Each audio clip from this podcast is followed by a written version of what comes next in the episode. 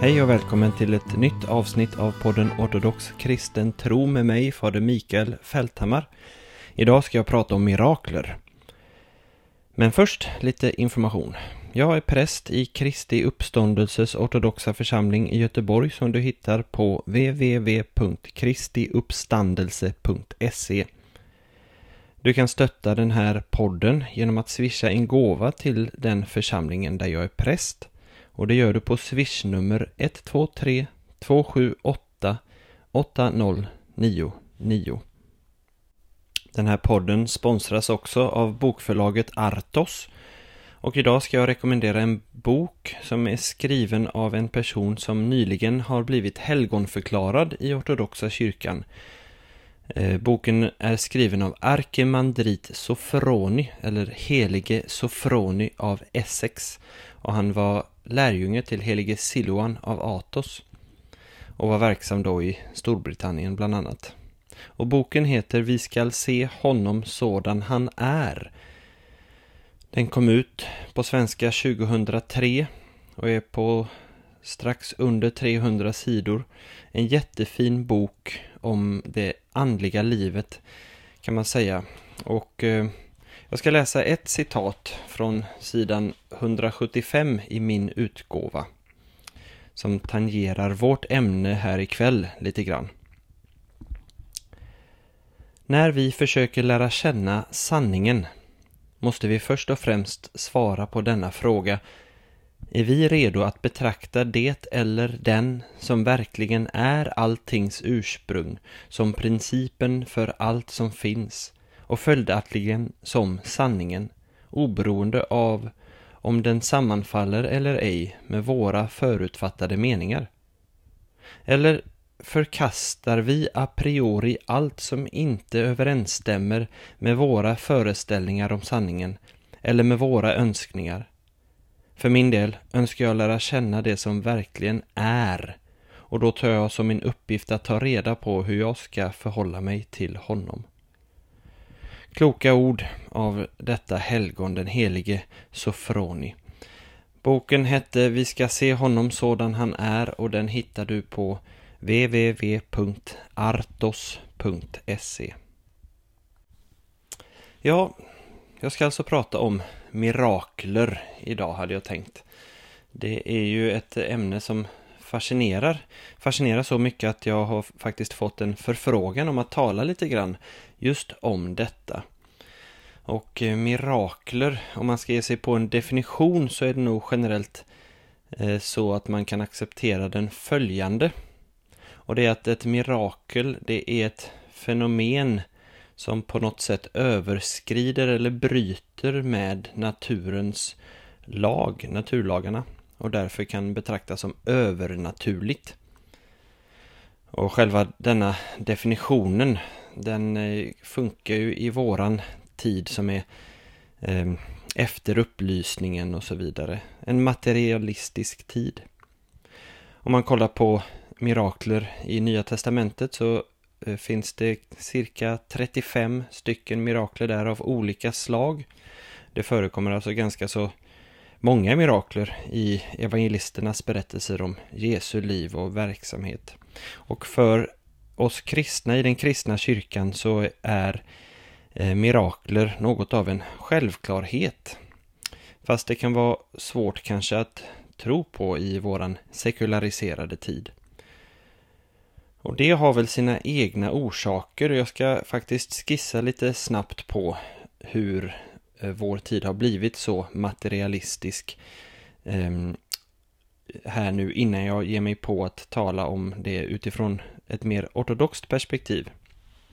Jag har pratat ganska mycket redan om sekulariseringen och ehm, materialismen i ett tidigare avsnitt i podden, det är avsnitt 29.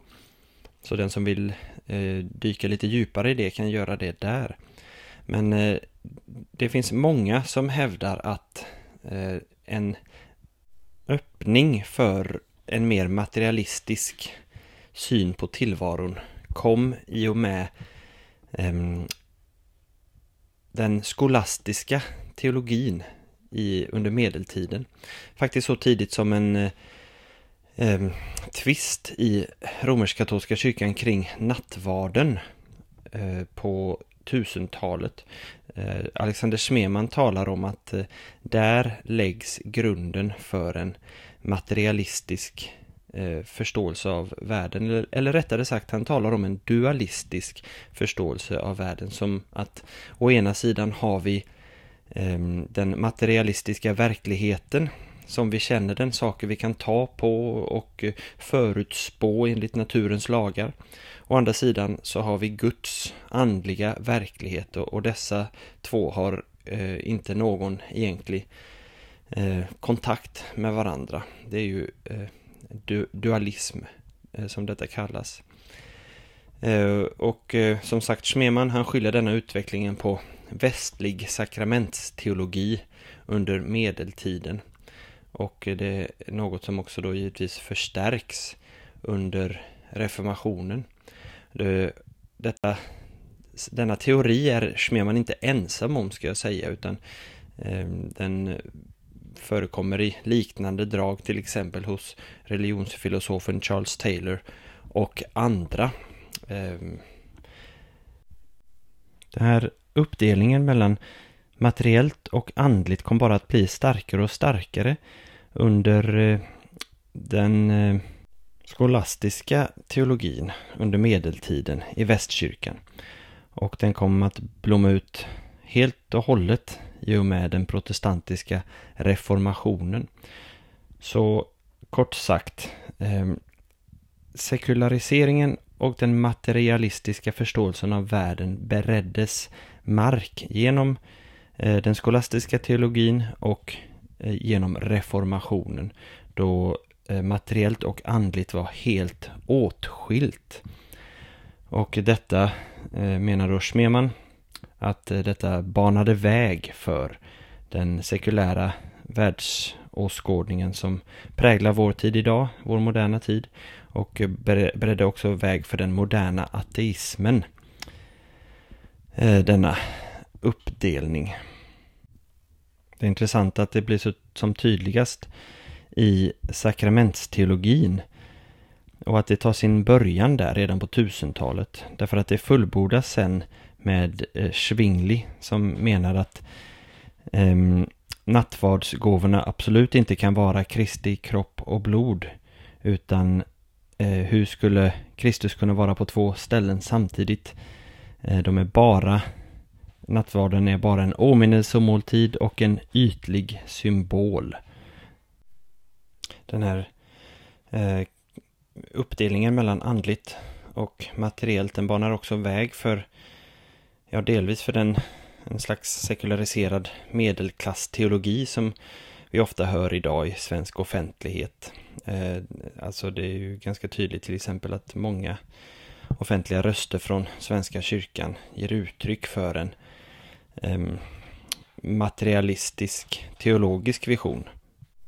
Men den banar också väg för en dualism inom teologin. En dualism som i grund och botten är gnostisk.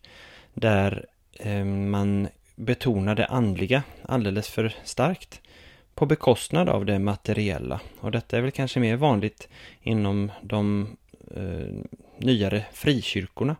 Särskilt inom de av pentekostalt slag. Jag ska återkoppla lite till det så småningom. Eh, Alexander Smeman han skriver i en bok som heter För världens liv. Det är ett citat här som jag tänkte läsa om sekulariseringen. Och eh, här kommer citatet. Sekularismen är en religion därför att den har en tro. Den har sin egen eskatologi och sitt e sin egen etik. Den fungerar och den är till hjälp. Och för att vara riktigt ärlig, om hjälp vore kriteriet så måste man tillstå att den livscentrerade sekularismen faktiskt är till mer hjälp än religionerna. För att konkurrera med den måste religionen presentera sig själv som en anpassning till livet, som rådgivning, som något som gör livet rikare. Den måste göra PR i tunnelbanan och på bussar som en värdefull komplettering till din bank och alla andra vänliga affärsidkare som annonserar. Pröva det här, det hjälper! Sekularismens religiösa framgång är så stor att den får en del kristna teologer att ge upp det transcendenta. Eller ännu enklare uttryckt, lämna själva tanken om Gud. Detta är det pris vi måste betala om vi vill bli förstådda och accepterade av den moderna människan och förkunna vår tids gnosticism. Slutcitat. Det är ju väldigt intressant eh, därför att vad Alexander Smeman ger uttryck för här, det är samma som Charles Taylor skriver om i, i sitt eh, stora verk A Secular Age, nämligen att eh, all tro kommer att utspela sig på det immanenta planet, på det materialistiska planet. Och huvudsyftet för tron är just då att livet ska vara gott att leva på det planet. Ehm, men ehm, så ser inte ortodoxa kyrkan på detta utan för oss, vi har inte genomgått de här epokerna som jag har berättat tidigare på samma sätt, ehm, om ens alls. Eh, en skolastisk teologisk period har väl kanske i någon mån eh, präglats av, fast väldigt svagt, under eh, senbysantinsk tid. Inte alls i samma starka utsträckning som i väst. Och någon reformation har vi inte gått igenom eh, tack och lov. Därför har vi bevarat en större enhet mellan, eller avsaknad av uppdelning rättare sagt, mellan det andliga och det materiella. Och detta kommer till uttryck också hos fader Alexander Smeman i samma bok några sidor senare när han just talar om sakramenten. Sakramenten är så viktiga därför att en sakramental syn på tillvaron är just vad som håller samman eh, Gud och hans skapelse. Eller det andliga och det materiella om man så vill. Så här skriver Smeman så här. Ett sakrament är, som vi redan vet, alltid en passage, en övergång, en förvandling. Ändå är det inte en passage till det övernaturliga utan till Guds rike, den tillkommande världen, en övergång till just denna världs sanna verklighet och dess av Kristus försonade och återupprättade liv. Ett sakrament är inte förvandling av natur till övernatur, utan av det gamla till det nya. Det är därför inte ett under genom vilket Gud så att säga bryter naturens lagar, utan det är en manifestation av den slutgiltiga sanningen om världen och livet, människan och naturen, den sanning som är Kristus. Det här var så intressant just att läsa citatet av eh, helige Siloan, eh, förlåt, helige Sofroni i början av eh, detta avsnitt. Därför att han talar om, är vi beredda att höra sanningen när den talar till oss? Och nu när kyrkan talar om honom som är sanningen eh, och visar på hur världen, skapelsen, hålls ihop genom honom. Är vi materialistiska västerlänningar då redo att lyssna? Vi behöver en sakramental syn på tillvaron där dessa båda sfärer hålls ihop och då kan vi också förstå bättre vad mirakler är. Fader Christopher Knight, han har skrivit en bok som heter Science and the Christian Faith, alltså vetenskapen och den kristna tron på engelska. Den är utgiven på St. Vladimirs Press. Och han skriver på sidan 36, jag ska försöka direkt översätta från engelska, eh, tanken på att Gud är på utsidan av ett eh, i grund och botten självständigt universum är någonting som står i stark bjärt kontrast till vår ortodoxa förståelse av tillvaron. För fastän vi upprätthåller en distinktion mellan skapelsen och skaparen i den ortodoxa kyrkan så ser vi också att Gud är i hjärtat och i centrum av allt skapat och de processer som äger rum i skapelsen. Detta är särskilt sant och tydligt som vi ska se i relation till vad helige Maximus bekännaren kallar för logoi och eh, av eh, logoi i de skapande tingen och vad helige Gregorius Palamas kallar för de gudomliga energierna. Så här ger fader Kristoffer uttryck för just exakt samma sak som fader Alexander Smeman tidigare gjorde. En sakramental syn på skapelsen eh, är eh, djupt bevarad i ortodox tradition. Inte minst så blir detta tydligt i en av de böner som vi ber nästan året om, om nästan varje bön. Det är nämligen bönen Himmelske konung, hjälpare du sanningens ande, du som är överallt och uppfyller allt. Det är en bön till den heliga ande och vi ber alltså till honom eller till den heliga ande som är överallt och uppfyller allt. Ja, då kan vi inte upprätthålla en strikt distinktion där Gud är på sin spelplan och vi eh, människor av kött och blod är på en annan spelplan. Och det får också effekter på hur vi betraktar eh, miraklerna. Och det ska jag strax landa i här. Så, den helige Maximus logo i, de skapande tingen. Det är så att eh, det gudomliga ordet logos har skapat alltihopa eh, i och genom honom. Eh, och i hela skapelsen så Eh, kan vi lära känna Gud genom att känna igen spåren av honom så att säga i de skapande tingens inre realitet. Och detta gör man genom att man renar sin själs högsta instans, så att säga, det som kallas för nos, genom eh, andlig träning och genom bön.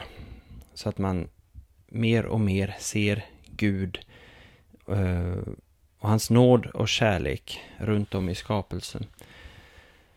Det är faktiskt så att eh, för Maximus så är eh, logos och de skapande tingens olika logoi så intimt sammanflätade att han på ett ställe går så långt att han säger så här.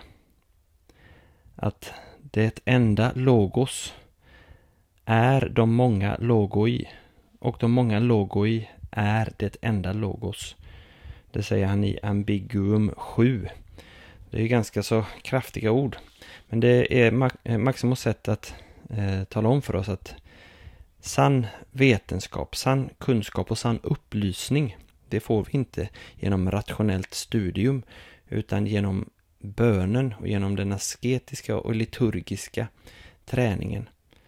Det är samma i princip som den helige Palamas eh, talar om när han talar om Guds oskapade energier som vi kan eh, skåda när vi har renat vårt andliga sinnelag, vårt nos. Um, och, och eh, när vi blir upplysta av detta, de här oskapade energierna och det oskapade ljuset så eh, blir vi gudomliggjorda. Då blir vi fullt ut vad vi är skapade att vara. Ja, detta talar jag mer om i avsnitt 50, just eh, i Palamas teologi där. Så genom Guds energier och genom Guds logoi så möter vi Gud och gudomliggörs så långt det är möjligt för skapade varelser. Det betyder att skapelsen är inte alls helt eh, förtappad. Utan genom liturgi, genom askes och genom sakramenten så Eh, möter vi Gud. Ehm, teologiska följden av detta är att den naturliga världen som vi ser och som vi erfar, den är både en gåva från Gud, genomsyrad av hans nåd och kraft, därför att han har skapat den och hans skapelse är god. Men den är också onaturlig, eller kanske man kan säga undernaturlig, snarare än övernaturlig, eftersom den inte har fullkomnats ännu. Detta är lite analogt med vår syn på människan före och efter syndafallet. Vi säger ju inte att människan är helt och hållet förtappad, att hon var en mogen, eh, fullvuxen andlig varelse innan syndafallet och därför så är hennes olydnad så, eh, vad ska man säga, klandervärd. Utan vi säger att människan sattes i paradiset som ett andligt barn att växa till i Guds likhet genom att eh, tjäna Gud och vara lydig mot Gud och göra hans vilja. Vi skapades för att nå full gemenskap med honom genom vår fria vilja, att gudomliggöras genom den. Och när vi då föll så var det fallet inte lika totalt som det ibland framkommer hos eh, heliga Augustinus och vissa av de andra västliga kyrkofäderna. Utan eh, vi behåller enligt ortodox teologi en del av vår eh, likhet med Gud, eller vår avbild rättare sagt. Därför när en människa syndar så kan vi ibland säga, jag vet inte om ni känner igen talesättet, ja men det är mänskligt att synda. Um, och det är naturligt att göra misstag och så vidare, och att synda. Uh, utifrån ortodox teologisk ståndpunkt så är det faktiskt uh, fel att säga på det sättet. Jag menar inte att det är förbjudet att säga så, men uh, om man analyserar talesättet teologiskt så stämmer det faktiskt inte att det är mänskligt att synda eller det är mänskligt att fela, utan vår sanna natur, så som vi är skapta att vara, är inte skapade till det, utan är skapade till fullkomlighet. Var fullkomliga så som er himmelske fader är fullkomlig, säger Herren. Vi skapade till gudomliggörelse. Och eh, liknande kan man då säga om skapelsen som eh, väntar på att vi människor ska nå det målet. Det skriver Paulus om i Romarbrevets åttonde kapitel. Vi människor som är skapelsens krona och är satta att råda över skapelsen. När vi handlar korrekt, då kommer också skapelsen att återlösas. Så alltså skapelsen, så som vi erfar den idag, vi lever efter syndafallet, vi erfar inte skapelsen fullt ut som den var skapt att vara. Den lider också av människans syndafall. Och när ett mirakel sker då, det är en återgång eller ett vittnesbörd om skapelsens ursprungliga syfte så som Gud har tänkt det.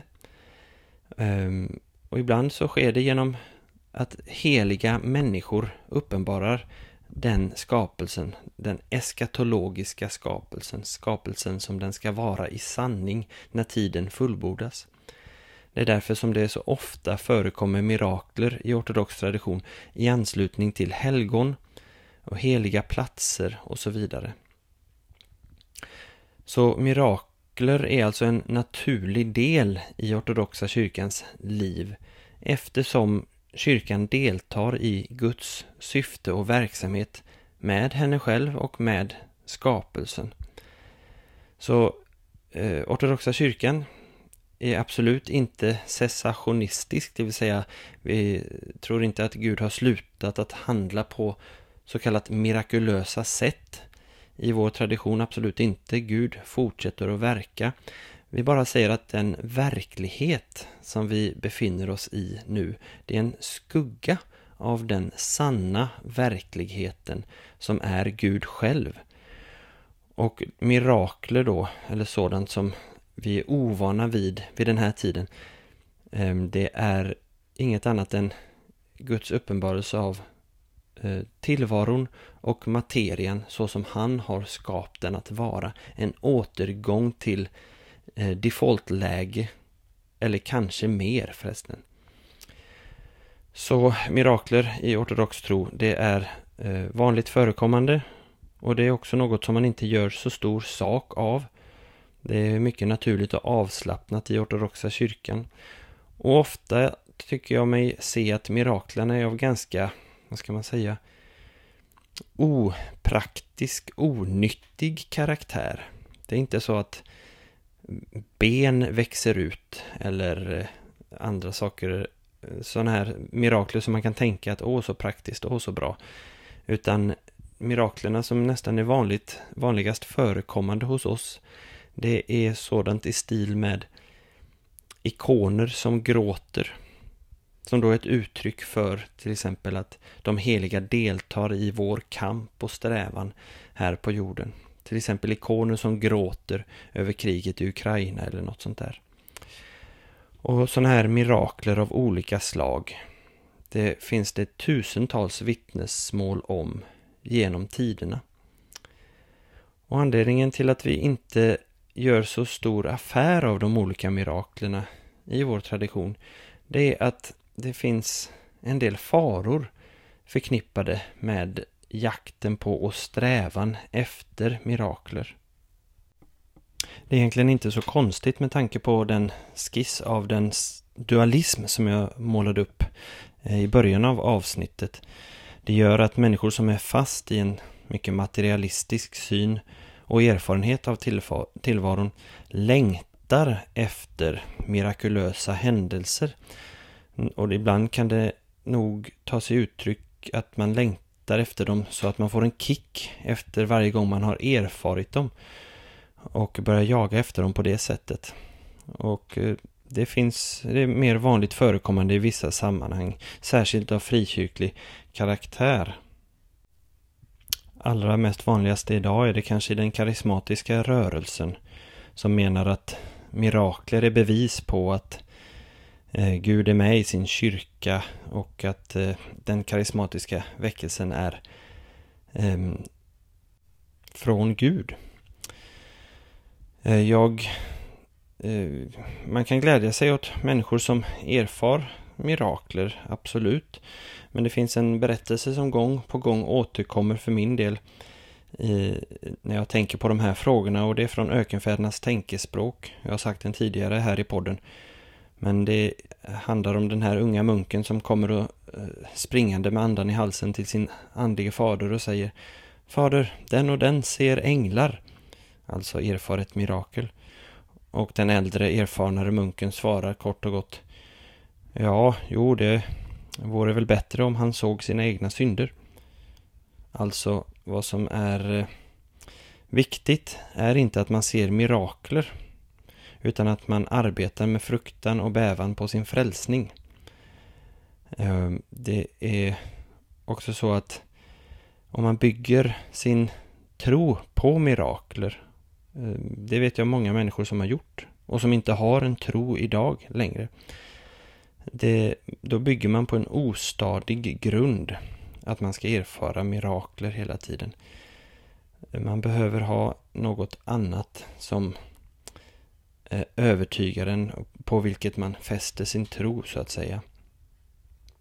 Men då kanske någon säger, men Markus evangelium kapitel 16, vers 17 till 18 då, där står det ju att tecken och under ska eh, ledsaga lärjungarna när de går ut i hela världen och förkunnar Guds rike.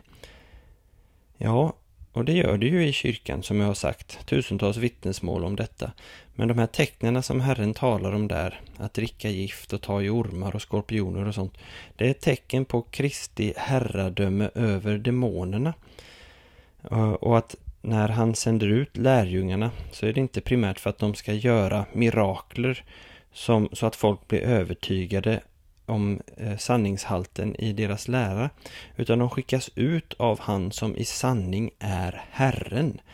Och därför så ska de göra dessa eh, tecken, därför att de är eh, de står under hans auktoritet.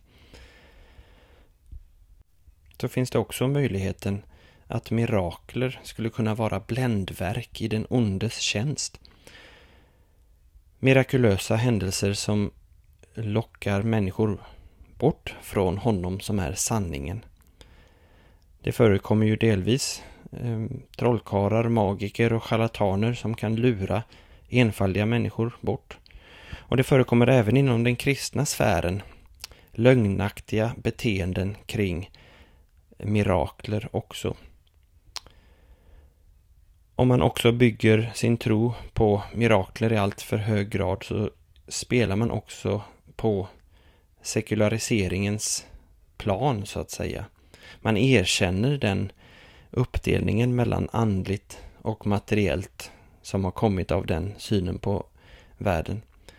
Och då förminskar man skapelsens innebörd teologiskt och själva syftet med skapelsen. Därför att då bejakar man att skapelsen är som den befinner sig nu i ett läge efter syndafallet. Medan den som lyckas hålla ihop eh, skapelsen och den andliga tillvaron så att säga, enligt ortodox modell, den förmår också se att skapelsen är på väg till att förklaras och förhärligas och bli fullt ut vad den är skapt att vara genom människors gudomliggörelse som i sin tur sker med, i samverkan med Gud och personerna. Därför är det också intressant att se att när en människa döps och inträder i Guds i gemenskap med Gud, i kyrkans gemenskap, då blir hon delaktig i den här processen, en mirakulös process som är ständigt pågående. Man kan säga att det är vad det allmänna prästadömet handlar om.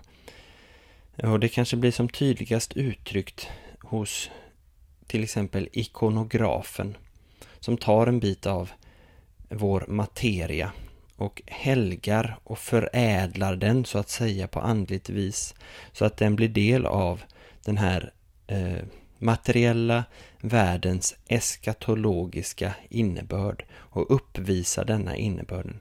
I ikonen så möter vi evigheten. Helgonen tittar på oss och vi tittar tillbaka. Så där är eh, eh, ja, det är ett tecken på att mirakel är liksom så att säga en, en ständigt pågående eh, självklarhet nästan och verklighet i kyrkans gemenskap. Och detsamma gäller ju givetvis, som vi redan har sagt, sakramenten. Varje gång vi kommer för att ta emot Kristi kropp och blod så tar vi del av ett sant mirakel. Så man kan också säga att det allra största miraklet, ja det är ju givetvis att Kristus har blivit människa, att han har dött och uppstått. Och genom den här döden som präglar vår materialistiska värld så har han själv nedlagt döden och återställt skapelsen till dess grundläggande potential. Åt dem i gravarna gav han liv. Och därför passar det ju bra att tala om detta eh, just nu när vi ortodoxa om en vecka ungefär firar påskens stora mysterium. Och eh, redan på lördag firar vi att Jesus uppväckte sin vän Lazarus från de döda. Redan här ser vi att skapelsen börjar återställas till sina ursprungliga syften. Det största miraklet, det är när någon kommer till tro också och så småningom blir helt gudomliggjord. Det var lite tankar om mirakler i den ortodoxa kyrkan. Jag har försökt att vara någorlunda strukturerad men eh, det är nästan alltid så när en ortodox ska prata om något så behöver man eh, beröra varenda område i teologin nästan för att komma eh, till rätta till slutet och landa någon vettig stans. Så därför har jag behövt tala om sakramentsteologi i eh, eh, medeltidens i väst och eh, om Maximus och helige Gregorius Palamas och om sakrament och liturgi och allt vad det är. Men jag hoppas ändå att detta avsnittet ska ha varit lite givande för dig som har lyssnat ändå. Om du har några frågor eller funderingar, tveka inte att höra av dig till mig på mikael.falthammar.gmail.com Så kan jag tipsa om eh, vidare läsning eller sådär, kanske förklara något som varit otydligt. Um, och eh, om du inte har gjort det redan så lämna ett gott omdöme på den här podden och skriv gärna en liten recension. Dela med dina vänner om du tycker att den här podden har varit till hjälp för dig. Välkommen också till vår kyrka i Göteborg att fira gudstjänster där eller på, i ortodoxa församlingar på den ort där du bor. Guds välsignelse. Tack.